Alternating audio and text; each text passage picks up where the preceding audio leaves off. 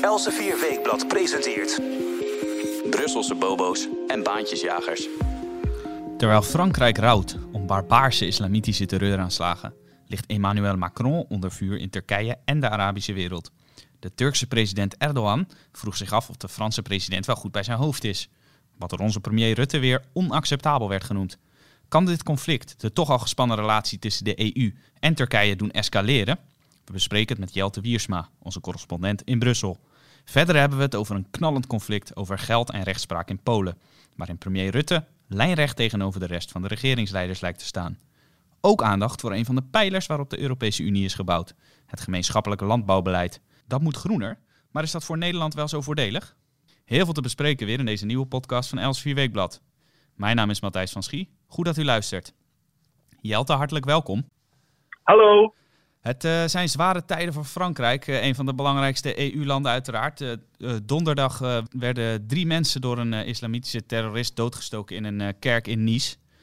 Een van hen werd zelfs onthoofd en dat gebeurde twee weken eerder ook al bij de leraar Samuel Paty.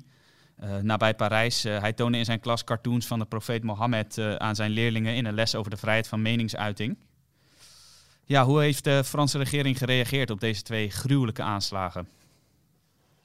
Ja, gruwelijk, dat zijn de goede woorden ervoor. Um, we, hebben gezien dat Emmanuel Macron een hele indrukwekkende toespraak heeft gehouden over uh, de waarden uh, die Frankrijk en eigenlijk in bredere zin Europa en de westerse wereld uh, belichamen. En ook um, daarin duidelijk gezegd dat het nu afgelopen moet zijn. collega Bram Haan die heeft uh, de toespraak uh, vertaald uh, vanuit het Frans in het Nederlands. die valt te vinden op de website van Elsevier. Um, wat nog wel aardig is, is om even te kijken naar wat Macron binnen, binnen kamers heeft gezegd. Want dat heeft hij niet in zijn speech, in zijn toespraak gezegd. Dat um, volgens een Frans tijdschrift althans, dat heeft hij gezegd, zij willen ons dood. Zo, dus we vechten um, met hen tot de dood. En hij heeft ook gezegd, kennelijk, de Franse Republiek is een mooi, prettig meisje. Um, maar dat gaat zichzelf niet uh, toestaan verkracht te worden. Nou, dat zijn andere teksten dan hij publiek zei. Um, hij maakte dus een um, culturele oorlog van. En zegt van, ja, het is hen of het is ons. Het is om George Bush junior, de president van de Verenigde Staten, die onder meer de Irak- eh, en Afghanistan-oorlog is eh, begonnen, uh, te citeren: You're with us or you're against us. Dus je bent met ons of je bent tegen ons. Dat is eigenlijk wat Macron zegt. Dus of je, bent deel van de westerse beschaving, de Franse beschaving, de Europese beschaving, waarbij iedereen vrij is om te geloven wat hij wil, iedereen vrij is om ze een religie te beleiden uh, of uh, andere opvattingen te bezigen, uh, in vereniging te komen met elkaar rond thema's, rond opvattingen. Maar altijd met een grens waarbij je de ander niet aanvalt, nog fysiek, nog anderszins ehm, geweld toepast tegen de ander. En dat is wel, denk ik, heel goed dat hij dit markeert. En ik hoop dat velen zich aan, aan zijn woorden zullen warmen en daar hoop zullen uitputten. Ja, eh, die, die grens uh, waar Macron het over had, die is inderdaad ruimschoots over, overschreden met deze twee aanslagen. wat voor concrete maatregelen heeft Macron aangekondigd? Want harde woorden, dat, die zijn natuurlijk goed, die zijn noodzakelijk, maar uiteindelijk draait het natuurlijk om daden. Welke daden wil Macron hieraan verbinden? Ja, dat is een hele goede vraag, want dat is niet zo makkelijk natuurlijk. Hij heeft gedaan wat je wel vaker ziet dat allemaal bekende verdachten, mensen die al gevolgd worden door de veiligheidsdiensten bijvoorbeeld, dat die dan worden gearresteerd. Uh, om te laten zien als regering moet je kijken hoe daadkrachtig wij optreden. Maar in concrete zin uh, is dat natuurlijk veel en veel lastiger om uh, zonder de westerse en ook Franse vrijheden overboord te gooien maatregelen te nemen. Want wat wil je doen? Uh, de vrijheid van vereniging willen we niet overboord gooien. De vrijheid van meningsuiting niet. De vrijheid van religie niet. Dus als je dat allemaal niet wil, hoe wil je dan uh, deze mensen, en in Frankrijk gaat het om uh, 5 miljoen moslims op een bevolking van uh, bijna 65 miljoen mensen. En in andere Europese landen speelt natuurlijk hetzelfde. Hoe wil je deze mensen sturen, uh, althans zij die hiermee sympathiseren, naar een meer vredelievende manier van opereren binnen onze westerse beschaving? En dat is um, heel lastig, want je gaat als je strenge maatregelen wilt nemen, al heel gauw de kernwaarden van het Westen overhoop halen en eigenlijk beknotten. Dat is die vrijheid van meningsuiting, vrijheid van vereniging, lichamelijke integriteit beschermen, integriteit van eigendommen beschermen, enzovoort, enzovoort.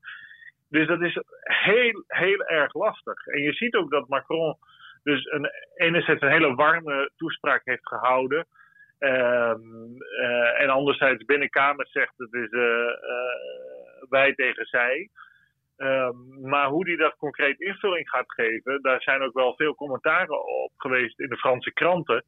Dat is allemaal nogal magertjes. En dat is ook wel begrijpelijk, want het is vreselijk moeilijk. De intelligentste mensen van de wereld komen daar niet uit hoe je dat, hoe je dat gaat doen. Het enige rationele wat mij betreft om te doen, um, is de immigratie, zeker vanuit islamitische landen, heel erg streng aan banden leggen.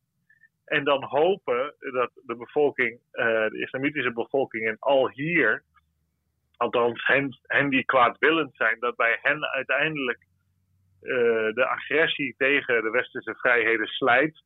En dat hun kinderen en kleinkinderen uh, volwaardige deel willen zijn van deze samenleving. En of zij dan hun geloof beleiden of niet, dat moeten ze natuurlijk zelf weten. Maar zolang ze dat maar niet proberen op te leggen met geweld of anderszins aan anderen. Ja, dat uh, aan banden leggen van die immigratie, dat is inderdaad al, al jaren, decennia wellicht zelfs een, een stokpaardje van, van Elsevier. Dus nou ja, dit bewijst maar weer eens, zeggen wij bepaald niet triomfantelijk uh, dat wij daar uh, wel degelijk een punt hadden. Nou is dat natuurlijk, dat immigratiebeleid, ook een, uh, een deels Europese aangelegenheid. Maar wat wel nationaal geregeld kan worden en wat Macron ook wil gaan doen, las ik de afgelopen weken, is hij wil een aantal moskeeën waar radicaal gedachtegoed wordt gepredikt sluiten. Eentje is ook al gesloten. Hij wil bepaalde organisaties verbieden die ook radicale imams huizen. Hij wil de financiering vanuit het Midden-Oosten aan banden leggen. En hij wil dat Franse imams worden opgeleid. Uh, hoe kijk jij aan tegen dat soort maatregelen? Hoe, hoe zie jij dat als het gaat om de spanning tussen de vrijheid van godsdienst en uh, het tegengaan van dit soort uh, radicaal gedachtegoed? Ja, dit is typisch Frans, de reactie zoals hij die hier naar voren heeft gebracht. Um, het is heel lastig natuurlijk om te zeggen: oké, wij willen geen radicale imams. Of, want dan ga je dus bepalen van staatswegen wat radicaal is of niet. Dat wordt al lastig.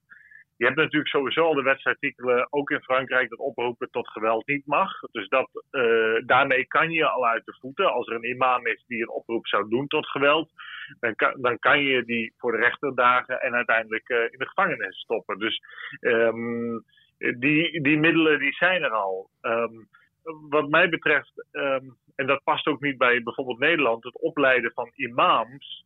Dat lijkt me een uh, uh, hele eigenaardige zaak. Want dan ga je dus um, staatsdoctrines uh, proberen te vermengen met religieuze doctrines. En dan um, uh, ga je dus als staat mengen in hoe een uh, uh, geloof geapprecieerd moet worden. Terwijl binnen geloofsstromingen daar volop discussie over is. ook binnen de islam is er geen vast ontlijnd kader van hoe de islam is en hoe die beleden zou moeten worden, enzovoort, enzovoort. Dus ik vind dat een heel lastige figuur ik ken het uit België ook goed. Hij heeft ook die Franse tik meegekregen, waar bijvoorbeeld uh, priesters, pastoors in dienst zijn van de Belgische staat, effectief. Die worden betaald door de Belgische staat. En dat geldt ook in België voor imams en ook voor rabbijnen. Dus die worden gefinancierd vanuit de staat. Omdat de staat het idee had, wij moeten controle houden over die religieuze stromingen. Dus wij staan, wij staan de vrijheid van godsdienst alleen maar toe binnen bepaalde kaders die de staat stelt. En um, dat past heel, heel slecht bij bijvoorbeeld de Nederlandse of de Engelse traditie, waar dat absoluut niet het geval is. ook binnen, waar... de, binnen de Franse traditie natuurlijk, de laïcité, die, die houdt de scheiding tussen kerk en staat zeer strikt. En die zegt eigenlijk dat beide domeinen niets met elkaar te maken zouden moeten hebben. Ja, dat is op papier zo, in de praktijk is dat niet zo. We weten bijvoorbeeld dat in Frankrijk uh, dus natuurlijk het openbaar onderwijs is. Maar iedereen van een beetje niveau in Frankrijk probeert zijn kind naar een privéschool te sturen. En die privéscholen zijn heel vaak katholieke scholen. En uh, terwijl je bijvoorbeeld als je je kind naar een privéschool, een middelbare school zou sturen in Engeland, dan ben je al gauw 30.000 pond per jaar kwijt. In Frankrijk betaal je dan minder dan 2000 euro per jaar. Uh, dus die worden zwaar gesubsidieerd door de staat. Dus die totale scheiding van kerk en staat is in zekere zin ook een, fictie in, uh, in Frankrijk. Uh, en ik denk ook, als je met alle eerlijkheid naar de Franse geschiedenis kijkt, um, dat Frankrijk uiteindelijk een katholiek land is en een monarchistisch land. Die, ook al zijn ze dat op papier beide niet, in de praktijk zijn ze dat wel. Hun president is een soort monarch, een koning, een keizer. Um, en uh, het land is unis, unisono katholiek eigenlijk. Uh, we hebben natuurlijk uh, gezien hoe de protestanten daar verjaagd zijn na de intrekking van het edict van Nantes. Ja, we hebben gezien. Ja, we, vele Nederlanders hebben hun wortels in Frankrijk en zijn gevlucht daarvoor. We kennen het zelfs met de Joden. tijdens de Tweede Wereldoorlog zijn die in Frankrijk ook niet heel prettig behandeld, hier en daar. En zeker niet door het Vichy-regime dat natuurlijk eh, collaboreerde met eh, de, eh, de nazi's. En dat was toch de helft van Frankrijk. dus um, je hoeft daar niet al te veel, um, wat dat betreft, ideeën over te hebben. In de zin van dat die scheiding van kerk en staat absoluut is. Um, het is ook, ook een, een, niet voor niks een revolutionair land, Frankrijk, waar elke keer met vrij grof, geweld een nieuw regime uh, wordt aangesteld. Um, en uh, dat uh, gooit dan het oude regime omver. Maar mensen veranderen natuurlijk niet zomaar. En culturen veranderen niet zomaar. Je hebt regio's in Frankrijk. Josse de Voogd, de beroemde sociaal geograaf, Universiteit Nijmegen. Ontdekt door mijn collega, onze collega Erik Vrijzen, politiek verslaggever te Den Haag. Erik eerder toekomt.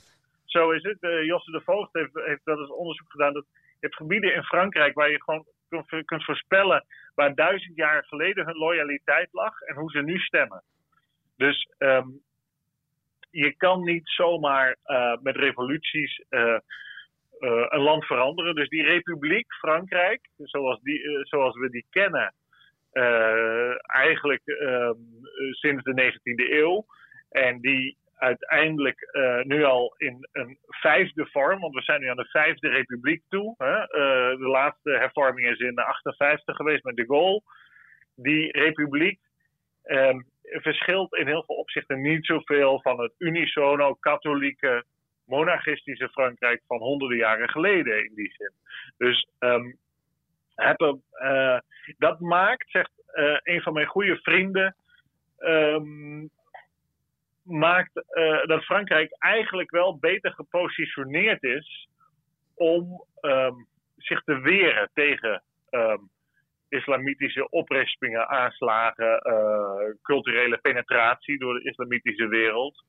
Uh, bijvoorbeeld, en hij zegt meer dan bijvoorbeeld landen als ne Nederland en, en het Verenigd Koninkrijk dat kunnen.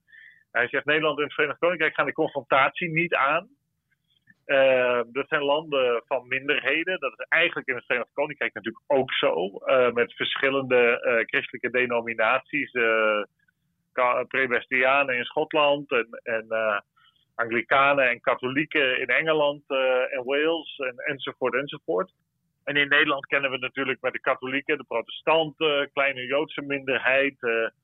Uh, dat, uh, die confrontatie wordt uit de weg gegaan en er wordt uh, een appeasement-politiek gevoerd. Wij zuigen die mensen op en die krijgen hun eigen plekje in de samenleving en die laten we met rust.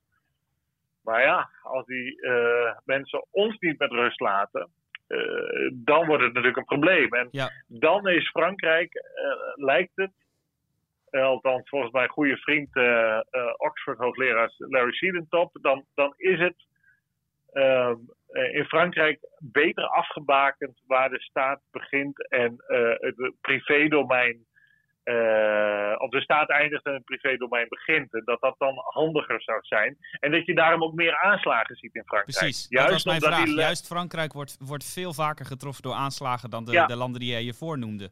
Ja, ja. en hij, hij zegt dat komt ook omdat Frankrijk een hardere streep trekt. En dat heeft ook met cultureel zelfvertrouwen te maken. Dat zij unisono katholiek eigenlijk zijn. Ze hebben wel wat hele kleine protestantse en Joodse minderheden, echt heel klein.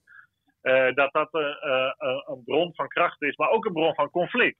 Dus het is beide waar. Um, dus ja, dat is voor ons als Nederlanders een beetje eigenaardig om waar te nemen gezien, onze geschiedenis. Maar ik vermoed dat de Fransen op lange termijn all-out gaan. Um, en het, en het niet laten gebeuren. bijvoorbeeld wat Michel Welbeck de beroemde Franse romancier in zijn, zijn bestsellerromans uh, uh, voorspelt dat Frankrijk uiteindelijk zal vallen voor uh, islam, een islamitische politicus die een, soort sharia wil gaan invoeren. Dat zie ik niet gebeuren. Ik denk, Frankrijk is cultureel heel diep verankerd. Um, um, en ik denk dat ze veel harder gaan terugslaan. En dat kan ook helemaal uit de hand lopen. Hè? de, vrees, daar ook voor dat dat uit de hand loopt. Ehm, we hebben al gezien, uh, Macron won maar nipt de verkiezingen uiteindelijk, of nipt, maar Marine Le Pen, die toch andere opvattingen daarover heeft, uh, zijn grote tegenstrever, die is veel harder in haar retoriek nog. Dus, en ik heb wel een aantal Fransen gesproken in privé, overal in de wereld die ik tegenkwam. En er waren heel veel bij die zeiden als het oorlog wordt, en dan hadden ze het over een oorlog tegen of een burgeroorlog in Frankrijk tussen niet-islamitische Fransen en islamitische Fransen, dan ga ik naar huis, zei de Franse overzee tegen mij, om te vechten. En uh, die spirit, nou, die, hoor ik niet bij Engelsen of Nederlanders of, uh, of Duitsers of uh, anderen. Dat is toch wel een gehardere cultuur in die zin dan wat wij kennen. Dus, en ze zijn er ook meer gewend aan geweld hè, in Frankrijk. Eh, defensie is veel groter, veel sterker, machtiger. Politieapparaat is sterker, groter, machtiger. En ook welwillend om geweld te gebruiken. Dus het is uh, heel spannend, heel zorgelijk en ook schok, schokkend. ik ben erg, nou, ik wil niet zeggen van slag door, maar wel, het raakt me persoonlijk, deze aanslagen. En hoe dat gaat uitpakken, um, we weten het niet, maar zorgelijk. Ja, dat, uh, dat gevoel is heel herkenbaar inderdaad. Uh, ik, ik voel helemaal wat je zegt. Uh, het is inderdaad onheilspellend wat er gebeurt. En wat jij ook zegt, de Fransen die zouden wel eens all-out kunnen gaan. Want de, de soumission, om maar even terug te keren bij Wellebeck, dat, dat willen ze natuurlijk niet laten gebeuren. Sommigen zeggen dat het al gebeurd is. hoe dan ook, voor, voor die keiharde reactie van de Fransen, daar vreest bijvoorbeeld ook de, de Turkse president voor, Recep Tayyip Erdogan. Want in de EU kreeg Macron natuurlijk vooral heel veel steun van zijn ambtsgenoten. Maar uh, Erdogan die reageerde als door een adder gebeten. Die, die zei, uh, Macron heeft psychische hulp nodig, is die helemaal gek geworden. Nou, premier Rutte die, uh, die sprong in de bres voor zijn Franse ambtsgenoot, want die zei dat dat onacceptabel was, zo'n uitspraak. even later, een paar dagen later, publiceerde Geert Wilders op zijn Twitter-account een, een cartoon van Erdogan met een bom op zijn hoofd en de tekst terrorist. Nou, ook daarop reageerde Erdogan niet al te vrolijk, want hij deed aangifte tegen Wilders. Volgens Rutte was dat weer onacceptabel. Als ik dit zo zie, als ik zo die, die, die steun zie van Rutte, dat heb ik zelden zo overtuigend gezien, dan denk ik, gaat dit de EU nou samenbinden? Gaat dit de EU sterker maken tegen Turkije en wellicht ook andere islamitische landen? Ja, dat zou zomaar kunnen. Kijk, één, een, gezamenlijke vijand verenigt. Hè? En historisch worden gebieden alleen één als ze of langdurig worden overheerst door één uh, gebied, zoals Holland, uh, eigenlijk Nederland heeft overheerst en Pruisen Duitsland. Uh, of als je een gemeenschappelijke vijand hebt. En uh, ja, dat zien we hier toch wel gebeuren. Nu moet je wel zeggen dat Erdogan heeft er een handje van om met heel veel retoriek zijn eigen achterban op te zwepen en een buitenlandse vijand te creëren. Uh, ja, dat is een goed punt. hij, hij heeft ons Nederlanders ook al meerdere keren nazi's en overblijfselen van uh, fascisten genoemd. Dus wat je zegt, dat klopt helemaal. Uh, hij schuwt de harde woorden eigenlijk nooit. Nee, het is een onfatsoenlijke man. Dat kunnen we wel concluderen, toch? En die, die onfatsoenlijke woorden gebruikt hij om dat in Turkije staat het gewoon slecht voor. Economisch gaat het heel belabberd. De lira, de, de Turkse munt, die wordt steeds minder waard. Corona heeft ook daar hard toegeslagen. De, zijn populariteit daalt met de minuut, die van meneer Erdogan. En het is een klassiek recept om, in zo'n situatie een buitenlandse vijand te verzinnen, bijna zou ik zeggen. en daar nationalistische, patriotistische sentimenten op te wekken om ervoor te zorgen dat iedereen zich achter één leider schaart. Uh, dat zie je natuurlijk vaak in crisissituaties, dat mensen de steun uitspreken voor de leider die er al is. Dat hebben we ook in Nederland uh, zien gebeuren met de peilingen, waarin uh, premier Mark Rutte tot een grotere hoogte is gestegen. Um, en de, omdat het een crisissituatie is, willen mensen toch hun steun uitspreken voor zo'n man.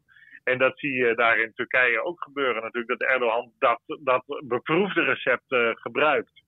Maar het is, um, uh, behalve alle retoriek, is er, zijn er natuurlijk een aantal serieuze conflicten uh, tussen de Europese Unie en uh, Turkije. En dan hebben we het specifiek over de pogingen van Turkse schepen om in Griekse Cypriotische wateren en in Griekse wateren naar olie en gas te zoeken, daar proefboringen te doen.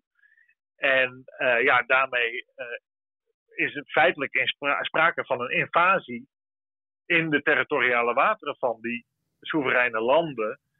Uh, en daarmee is het eigenlijk een soort invasie van de EU. En zo wordt het ook wel geapprecieerd in Brussel. En er is grote steun voor de Grieken en de Griekse Cyprioten, die zich grote zorgen hierover maken. We hebben een aantal waarschuwingsschoten gezien van de Europese Commissie afgelopen week. En ook van de Duitse minister van Buitenlandse Zaken Heiko Maas van de SPD. En eh, een van de belangrijke spelers in, in dit veld natuurlijk. De Duitsers is altijd belangrijk. Die uh, zijn toch even uit hun slof geschoten tegen Erdogan. En tijdens de Europese top van regeringsleiders op, uh, of in december gaan we, vermoed ik, sancties zien tegen Turkije. En dat brengt Turkije economisch nog meer in de pinarie. Um, en uh, het zou me niet verbazen als uh, of Erdogan er genoodzaakt toe zal zijn om uh, Turkije tot een dictatuur om te vormen, volledig, als hij aan de macht wil blijven. Maar dat anders hij via democratische weg eh, of een coup uiteindelijk eruit wordt gesodemieterd. Want ja, dit gaat Turkije meer pijn doen dan de Europese Unielanden. Dat, en, en de EU is, is pittiger dan ik uh, in lange tijd gezien heb uh, tegen meneer Erdogan. dus um, ik ben, en er is ook meer zelfvertrouwen in de EU dat er, Turkije en Erdogan minder hard nodig zijn om immigranten tegen te houden dan voorheen. Dus dat, dat maakt ook wel uit dat dat wapen dat Erdogan elke keer inzet, dat chantagewapen, dat dat stomp aan het worden is. Ja, ja, een van die andere wapens die hij ook uh, en met hem vele uh, leiders van uh, islamitische Arabische landen, een van die wapens die hij wil inzetten is een boycott.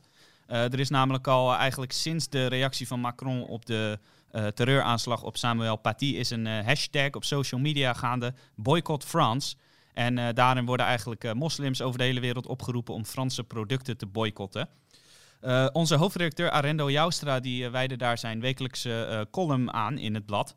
En hij schreef: Zou het uh, niet aardig zijn als de EU-landen een vuist maken door uh, in uh, reactie op deze boycott op al hun producten made in France of beter nog fabriqué en France te zetten? Hoe kijk jij daar tegenaan?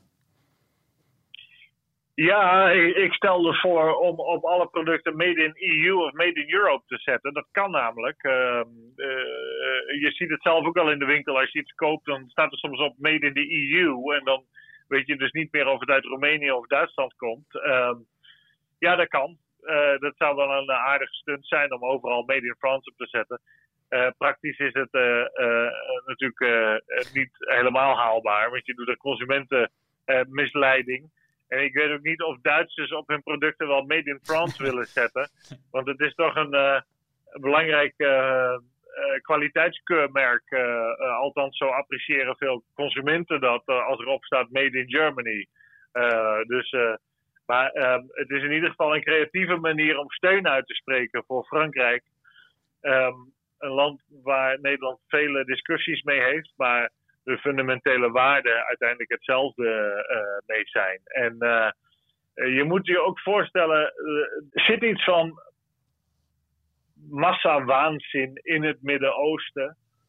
Um, waarbij de uh, tragiek is dat, dat je soms denkt, die aanslagen zijn misschien ook wel de laatste stuiptrekkingen van een beschaving die helemaal niks te bieden heeft en helemaal niet aanhaakt bij alle verworvenheden die de verlichting, de moderne technieken, uh, christendom, humanisme, liberalisme ons allemaal gebracht hebben. En dat um, is een theorie die wel vaker gebezigd wordt. En ik denk, uh, ik heb een keer een interview mogen maken met de helaas kort geleden overleden hoogleraar Wim Kouwenberg.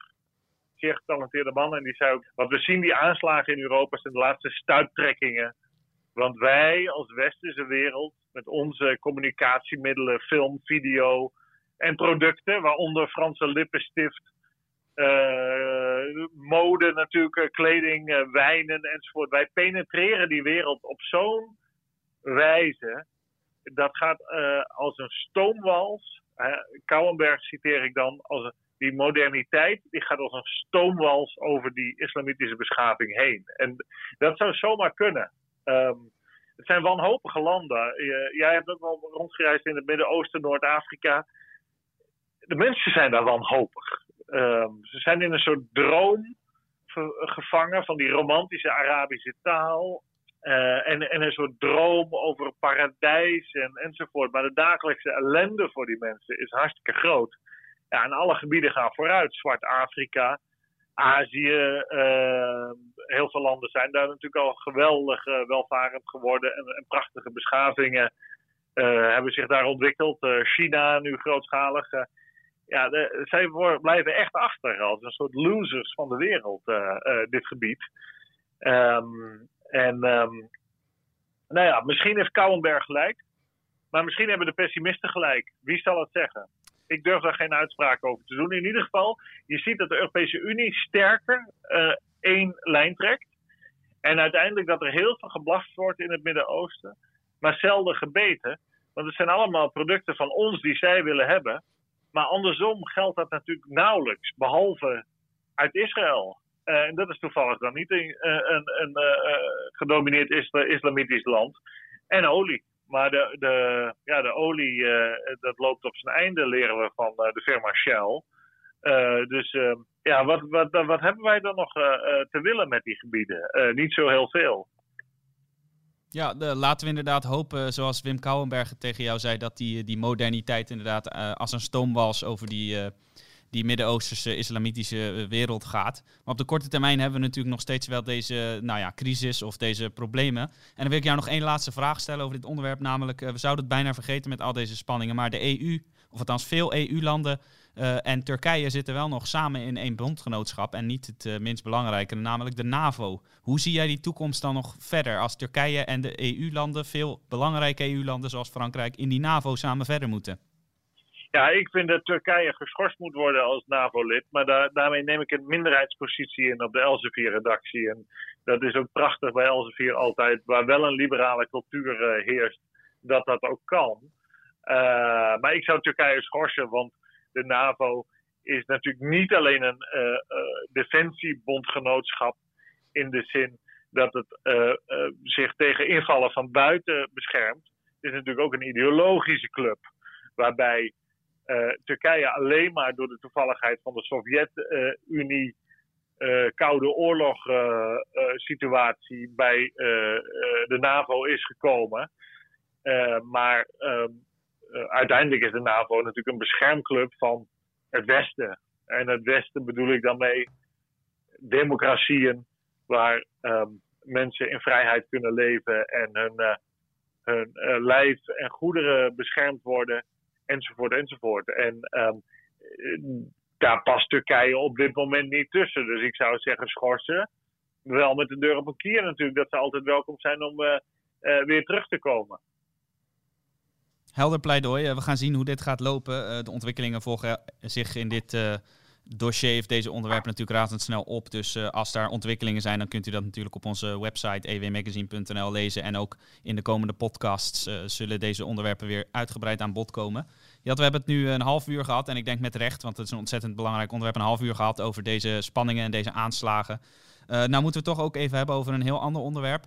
Uh, een diplomatieke ruzie die ook best pikant is. Namelijk uh, in de EU is het zo dat Nederland graag uh, Polen zou willen straffen omdat de rechtspraak daar niet onafhankelijk zou zijn.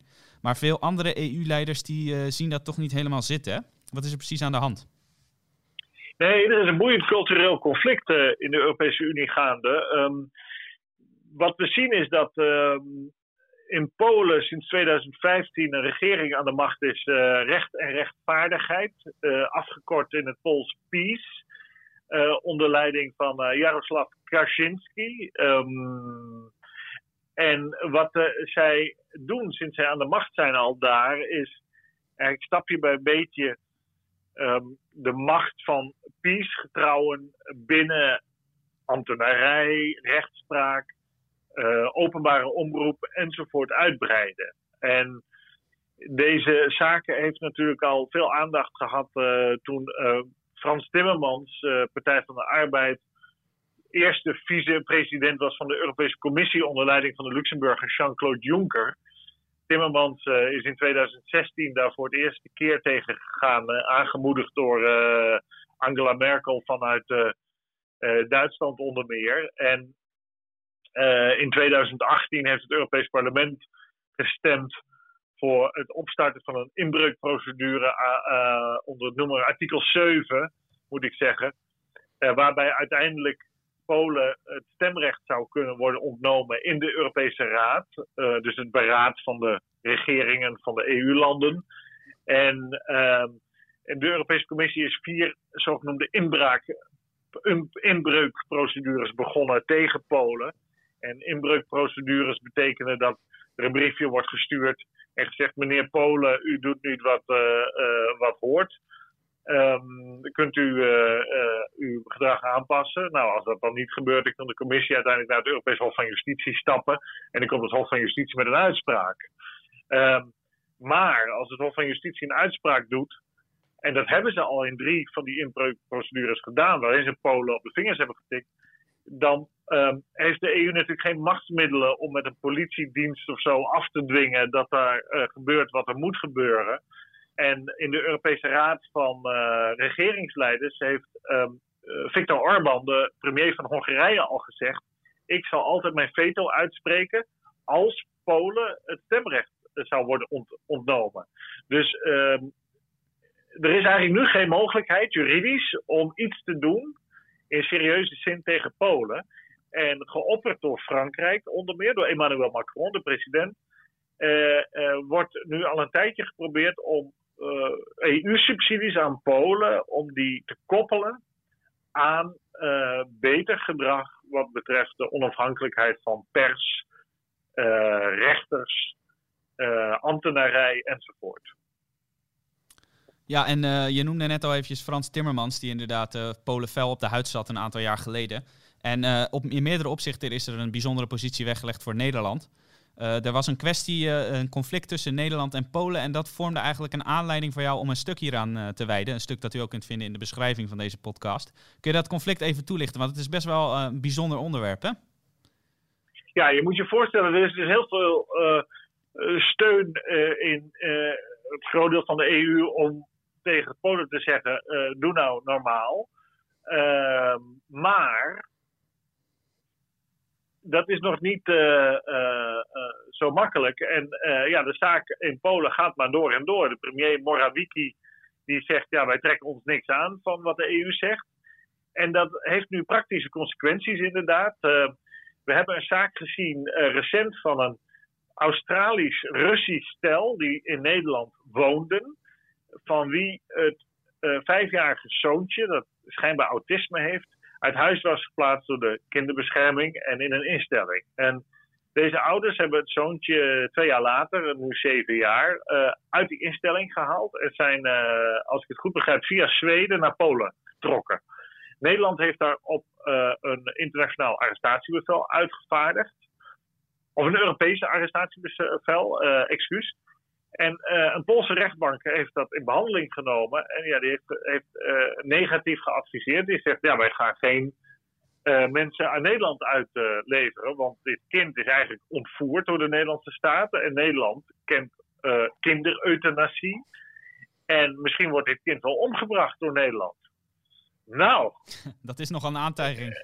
ja, en dan hebben we een paar dagen geleden gezien dat er een instructie is uitgevaardigd door de hoogste man van het Openbaar Ministerie in Polen, dus de openbare aanklagers. Uh, en die heeft gezegd van. Uh, uh, als instructie aan officieren van justitie: wij gaan niet meer meewerken aan uitleveringen naar Nederland, of overleveringen moet ik trouwens zeggen. En dat gaat dan om verdachten en om al veroordeelden. Want de uitlevering dat gaat om al veroordeelden. en of nog niet veroordeelden, excuus. Um, en dat is wel een um, uh, situatie die, die nog verder op de spits gaat. Want uh, de rechtbank van Amsterdam die heeft advies gevraagd aan het Hof van Justitie. Kunnen wij uh, nog wel mensen uitleveren of overleveren aan Polen. Want de rechtbank Amsterdam zegt, ja, gezien die situatie in Polen, waarbij wat ons betreft mogelijkerwijs die, die, die rechters allemaal eenzijdig zijn en worden benoemd door de politiek en bepaalde opvattingen hebben, uh, kunnen wij misschien er niet meer van uitgaan dat de rechtspraak in Polen onafhankelijk is. Dus zij hebben aan het Europees Hof van Justitie in Luxemburg gevraagd: mogen wij nog wel mensen uitleveren of overleveren aan Polen. Nou, nu zegt uh, het Hof daar voorlopig nog niks op. Dus we wachten op de uh, aanwijzing daarvan, of het advies van het Hof van Justitie. Um, ja, nu zitten we dus met de situatie dat de Europese Unie rechtsorde, waar Nederlandse rechtbanken en Poolse rechtbanken onder vallen, want uiteindelijk zijn dat de onderste treders in een juridische piramide met aan de top het Europees Hof van Justitie, dat daar uh, ja, onderlinge sabotage plaatsvindt, onderling wantrouwen is. Uh, en dat wordt wel heel lastig, want welke Nederlandse ondernemer zal nog investeren in Polen als jij weet dat als je uit Nederland komt, dat je wel eens een hele ingewikkelde behandeling daar gaat krijgen bij de rechtbank. En dat jij, als je uiteindelijk in hoger beroep bij het Hof van Justitie in Luxemburg zou komen, dat een vonnis van het Hof van Justitie toch niet uitgevoerd zal worden. Um, dus daarmee verkruimelt eigenlijk die rechtsorde een klein beetje. Um, dus um, uh, nou ja, Mark Rutte, de Nederlandse premier, die, die komt hier wel hard voor op. Maar die laat uh, uh, zichzelf langzamerhand toch ook een beetje door machtspolitiek in de hoek drukken. En die lijkt steeds meer alleen te komen staan in de strijd om Polen het goede pad weer op te krijgen door die uh, subsidies, die EU-subsidies aan Polen, te koppelen aan de voorwaarden dat zij hun uh, rechtspraak, media en, enzovoort uh, onafhankelijk houden. Ja, dat is toch wel pikant. Jij noemde net al eventjes de Franse president Macron, die daar eigenlijk ook voorstander van is om eventueel te korten op die EU-subsidies. Maar die, die wil het spel niet zo hard spelen. En net als Angela Merkel, dat is natuurlijk ook iemand die heel erg hecht aan die Europese of die EU-rechtsorde. Maar beide staan ze niet echt te trappelen om Polen heel hard te bestraffen. Hoe, hoe komt dat? Ja, dat is heel interessant. In het begin, dus uh, uh, zeg maar vanaf 2016, waren zij vrij fel, beide. Uh, maar wat er nu speelt, is dat er een heel aantal kwesties zijn waarbij Frankrijk en Duitsland zeggen: Nou, dat is voor ons even belangrijker. en die willen we graag doorzetten in de Europese Raad. En dan kunnen we niet hebben dat de Polen, die de hele tijd dreigen met veto's in die Europese Raad, de boel gaan blokkeren. En dan hebben we het bijvoorbeeld over het coronaherstelfonds. Uh, een idee van Macron en, en omarmd door Merkel. En uh, gezamenlijk hebben ze dat gepresenteerd. En uh, dat fonds van 750 miljard euro, daar zegt Polen nu van. Ja, dat gaan wij tegenhouden op het moment dat dat gekoppeld wordt aan de eis dat wij moeten stoppen met wat wij doen. rechters benoemen op een andere wijze dan gebeurde eigenlijk politieke benoemingen. Nou, Mark Rutte heeft daar een behoorlijk nummer van gemaakt afgelopen juli tijdens de beroemde EU-top over de Europese begroting en het coronaherstelfonds. En die heeft er samen met de Scandinaviërs op gehamerd.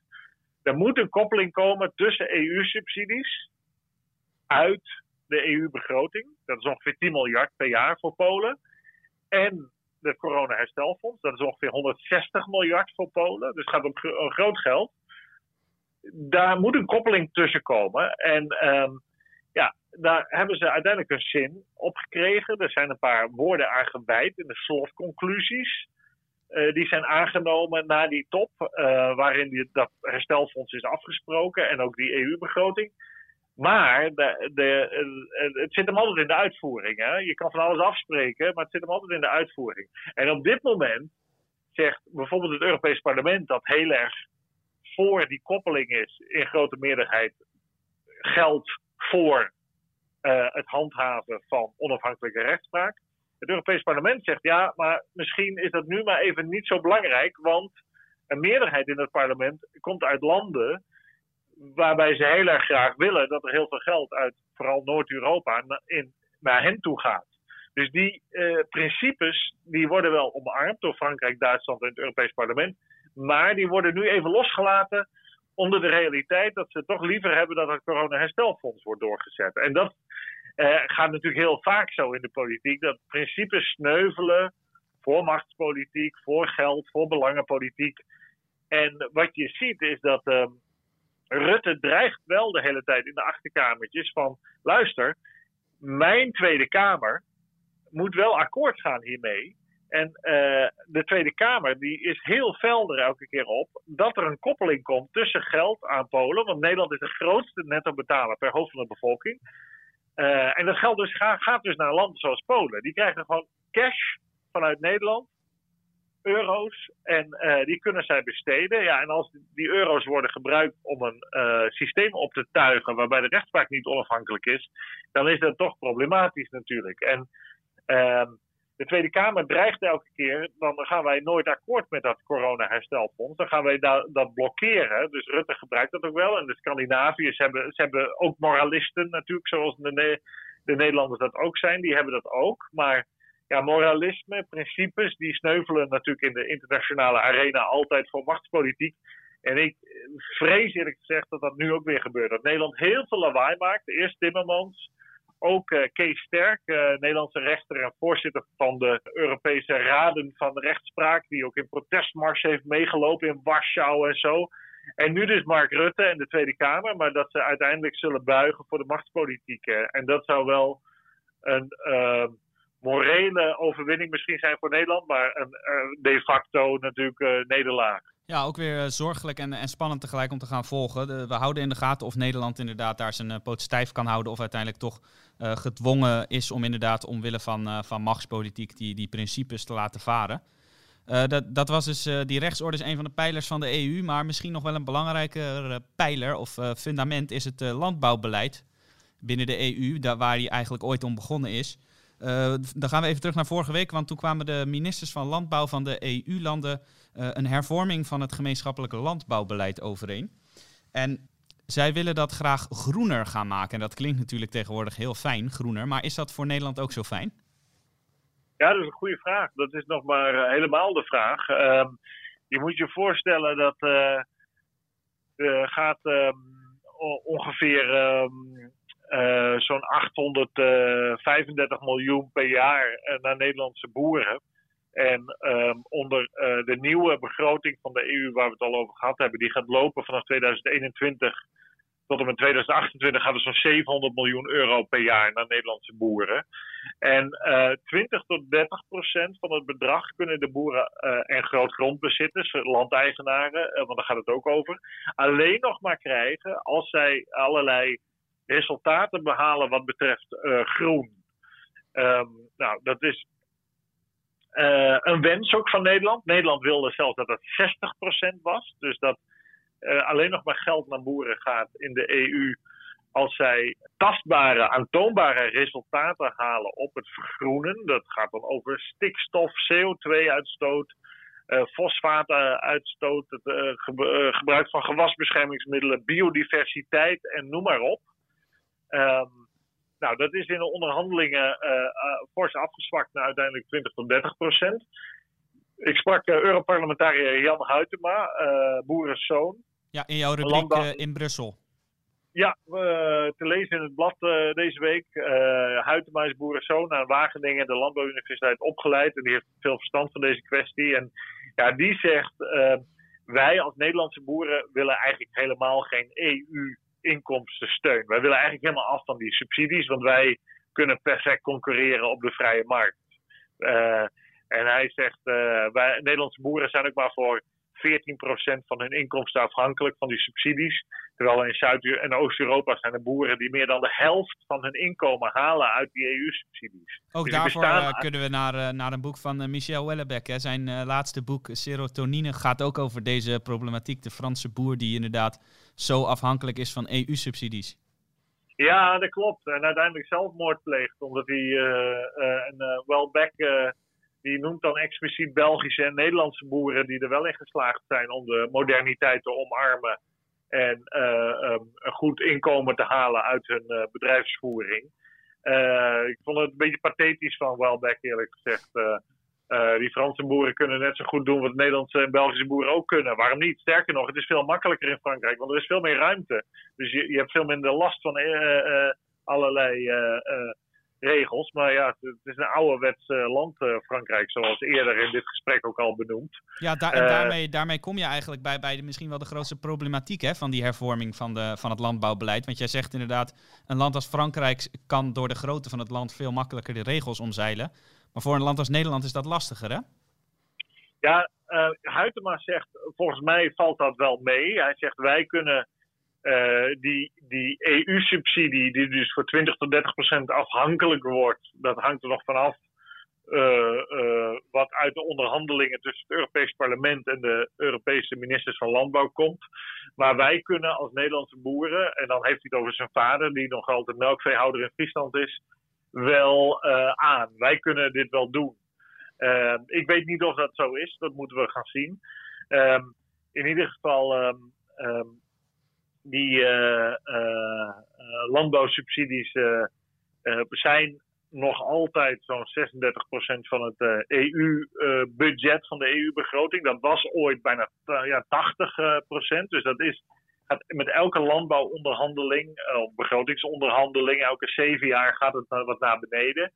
Uh, en het gaat dus wel de kant op die Nederland wil. En Nederlandse boeren uh, dat is ook wel zo. Die zijn al, die behoren tot de groenste, dat zijn de groenste ter wereld en de meest duurzame ter wereld nu al. dus um, het grote probleem zit wel voor Nederlandse boeren vaak bij ehm, wat dan heet biodiversiteit. Dat er stukjes van landbouwgrond moeten worden aangewezen. en bijvoorbeeld 10%, daar hebben ze het over. Van jouw akkers of, of weideland als plek waar bloemetjes en bijtjes hun plezier mogen hebben. En dat je dan niet gebruikt voor de landbouw. Ja, met hele dure landbouwgrond zoals in Nederland en de precisielandbouw zoals die in Nederland wordt toegepast, is dat natuurlijk een serieuze kostenpost. en het is zo ingewikkeld om aan te vragen dat er is al een CDA-statenlid uit Gelderland, en tevens boer, die zei nou, ik krijg dan 1200 euro per hectare. Uh, die zei, dat is mij de moeite helemaal niet. Dus dat laat ik gewoon schieten waarschijnlijk. En dan ga ik helemaal zonder EU-subsidie uh, per hectare. Dus dat is een interessante ontwikkeling. Um, op lange termijn is het natuurlijk zaak dat die hele landbouwsubsidie eraan gaat. Zoals Huytema terecht zegt. En Nederland eigenlijk ook wel wil. Want je houdt alleen maar onrendabele bedrijven in stand. Maar de, de, de weg is de goede kant op aan het gaan. Elke zeven jaar ietsje minder. Ehm, dus ehm, dat is in die zin een pluim waard ook voor de Nederlandse regering en voor mensen zoals Huytema die daarvoor strijden. Nou, dat klinkt dan toch nog hoopvol. En laten we dan, net als bij een van de voorgaande onderwerpen, erop hopen dat de stoomwas van de moderniteit ook wat betreft landbouw over, over andere landen heen gaat walsen op den duur. Of hopelijk heel snel. Nou, dan, dan hebben we eigenlijk drie, behoorlijk zware en grote thema's behandeld in deze podcast. Dat zijn de luisteraars inmiddels wel van ons gewend, dat wij niet over koetjes en kalfjes praten. En misschien om af te sluiten toch nog een klein, heel opmerkelijk bericht. Er is namelijk een uh, Franse Europarlementariër in hongerstaking gegaan. Dat klinkt eigenlijk ook best ernstig, nu ik het zo uitspreek. Maar nou, ik volg de EU-politiek nog niet zo lang als jij dat doet. Maar voor mij klinkt dit toch tamelijk uniek, tamelijk uitzonderlijk. Waarom doet die man dat? Ja, we hebben het hier. Ja, ik moet erover la om lachen. Dat is misschien niet aardig, maar ik moet er hartelijk om lachen. Deze meneer heet Pierre Lara Routourou. Uh, de naam is al niet uit te spreken. Uh, dat dan, als je zo'n naam hebt, zou ik ook in hongerstaking gaan. Maar goed, uh, die, ja, ja, toch? Hè? Die, die, deze, meneer, deze meneer Pierre, laten we hem zo noemen voor het gemak. Die, ja, die vindt dat het allemaal niet goed gaat met um, de belastingen op de financiële transacties die ingevoerd zouden moeten worden. En die vindt dat uh, er geen geld is voor uh, zorgen en arme mensen. En dat dat er snel moet komen. En nu gaat hij in hongerstaking. Nou, halleluja. Dan ben je dus politicus. Je, je kandideert je. Je wordt verkozen. Dus dan moet je je best doen in het parlement, lijkt mij. Om een meerderheid te vinden voor jouw plannen. En daarvoor te strijden. En het stomste wat je natuurlijk kan doen, is jezelf verzwakken in fysieke en mentale zin door niet meer te eten. Want ja, want daar hebben je kiezers niks aan. Daar hebben, uh, daarmee word je, uh, worden je wensen ook niet uh, vooruit geholpen. Daar zie je nou echt dat die andere Europarlementariërs denken: oh, die man gaat in een hongerstaking. En als wij nu niet het met hem eens zijn, dan overlijdt hij. Dus we moeten wel allemaal gaan stemmen voor de plannen die hij heeft. Want anders zijn wij verantwoordelijk voor zijn dood. Ja, als, als, dacht hij echt dat het Europees Parlement zo gaat redeneren? Nee, natuurlijk niet. Want als, als ze dat zouden doen, dan zou iedereen in hongerstaking kunnen gaan. En uh, daarmee morele chantage plegen en zeggen van ja, jullie moeten stemmen voor mij. Want ja. anders ga ik dood, omdat ik niet eet, omdat jullie het niet met me eens zijn deze man is totaal waanzinnig, wat mij betreft. Zo werkt politiek uh, niet. En hij is ook nog eens, het is wel erg zwaar voor hem. Want ik uh, ben vorig jaar bij jou op bezoek geweest in Brussel. En uh, uit eigen ervaring spreek ik dat er toch een aantal zeer goede eettentjes te vinden is in Brussel. Dus, eettentjes, wat is dat voor? Dat is gevloek in de kerk, Matthijs. Ja? geen eettentjes, etablissementen, ja, restaurant, restaurants. Wij zijn een burgerlijk blad, hè, Jelte? Burgerlijk blad. Dus, sociétés en, uh, uh, en dat soort zaken. Uh, Excuus. Die, die eettentjes. dat, dat, dat, in Nederland hebben ze eettentjes. Ik heb een gevoelige snaar geraakt. ja, in België gaan we toch niet naar eettentjes. maar goed, ik ga meneer Pierre uitnodigen om een keer naar een eettentje te gaan. want anders komt deze arme man om van de honger. want, maar dit is waanzinnig. Dit, maar dit soort mensen bevolken dus het Europees Parlement. Nou, um, ja, wat hebben we daaraan? Uh, gelukkig in de democratie kan je zo'n man ook weer wegstemmen. Althans, dat kunnen de Fransen, want dat is zijn kieskring. Dus laten we erop hopen dat deze mensen uh, in Frankrijk dat vooral doen. En ik denk ook wel dat de Fransen dat gaan doen hoor. Want de Fransen houden van lekker eten. En als de Fransen ervoor kunnen zorgen dat deze man, man uit het parlement gaat. En daardoor zijn politieke ambities uh, in de ijskast kan zetten, dan kan, kan, hij weer gewoon gaan eten. Dus laat de Fransen deze Pierre uh, redden. Uh, want ehm, deze man heeft niks te zoeken in de politiek. Helemaal mee eens, Jelte. Het is duidelijk, de, dit soort politici zijn we liever kwijt dan rijk, ook in Brussel. laten we hopen inderdaad dat hij voor zijn eigen gesteldheid ook snel weer naar een restaurant, een etablissement gaat. Uh, Jelte, we, we, eindigen dus op een wat lichtere noot. Dat is denk ik wel nodig na zo'n uh, zware podcast in deze toch ook wel zware tijden in allerlei opzichten. We zijn weer klaar voor vandaag. Bijna een uur hebben we gesproken en uh, ik hoop dat de luisteraars het weer hebben gewaardeerd. Als dat zo is, dan wil ik u vragen of u misschien onze podcast bijvoorbeeld in de iTunes Store wilt beoordelen. Het liefst zo hoog mogelijk. Vijf sterren zou fijn zijn, maar wat u er dan ook voor over heeft, dat is goed. En nou, Jelte, dit, dit was het weer voor vandaag. Hartelijk dank. Graag gedaan. Ook alle luisteraars, hartelijk dank voor het luisteren en het, uh, het beste natuurlijk weer toegewenst in deze coronatijden. En graag tot de volgende keer. Daarmee zijn we aan het einde gekomen van deze podcast. Mijn naam is Matthijs van Schie en ik wil u ook hartelijk danken voor het luisteren. Bent u nou benieuwd geworden naar de artikelen die we zojuist hebben besproken in deze podcast? kunt u allemaal lezen in Elsevier Weekblad of op onze site. Voor een abonnement, waarbij u ook onbeperkte digitale toegang krijgt, kunt u surfen naar www.elsevierweekblad.nl. Daar kunt u zich ook abonneren op onze podcastseries. Dat kan ook door in uw favoriete podcast-app, bijvoorbeeld Spotify of iTunes, te zoeken op Elsevier Weekblad. Dit was het voor nu. Graag tot de volgende keer.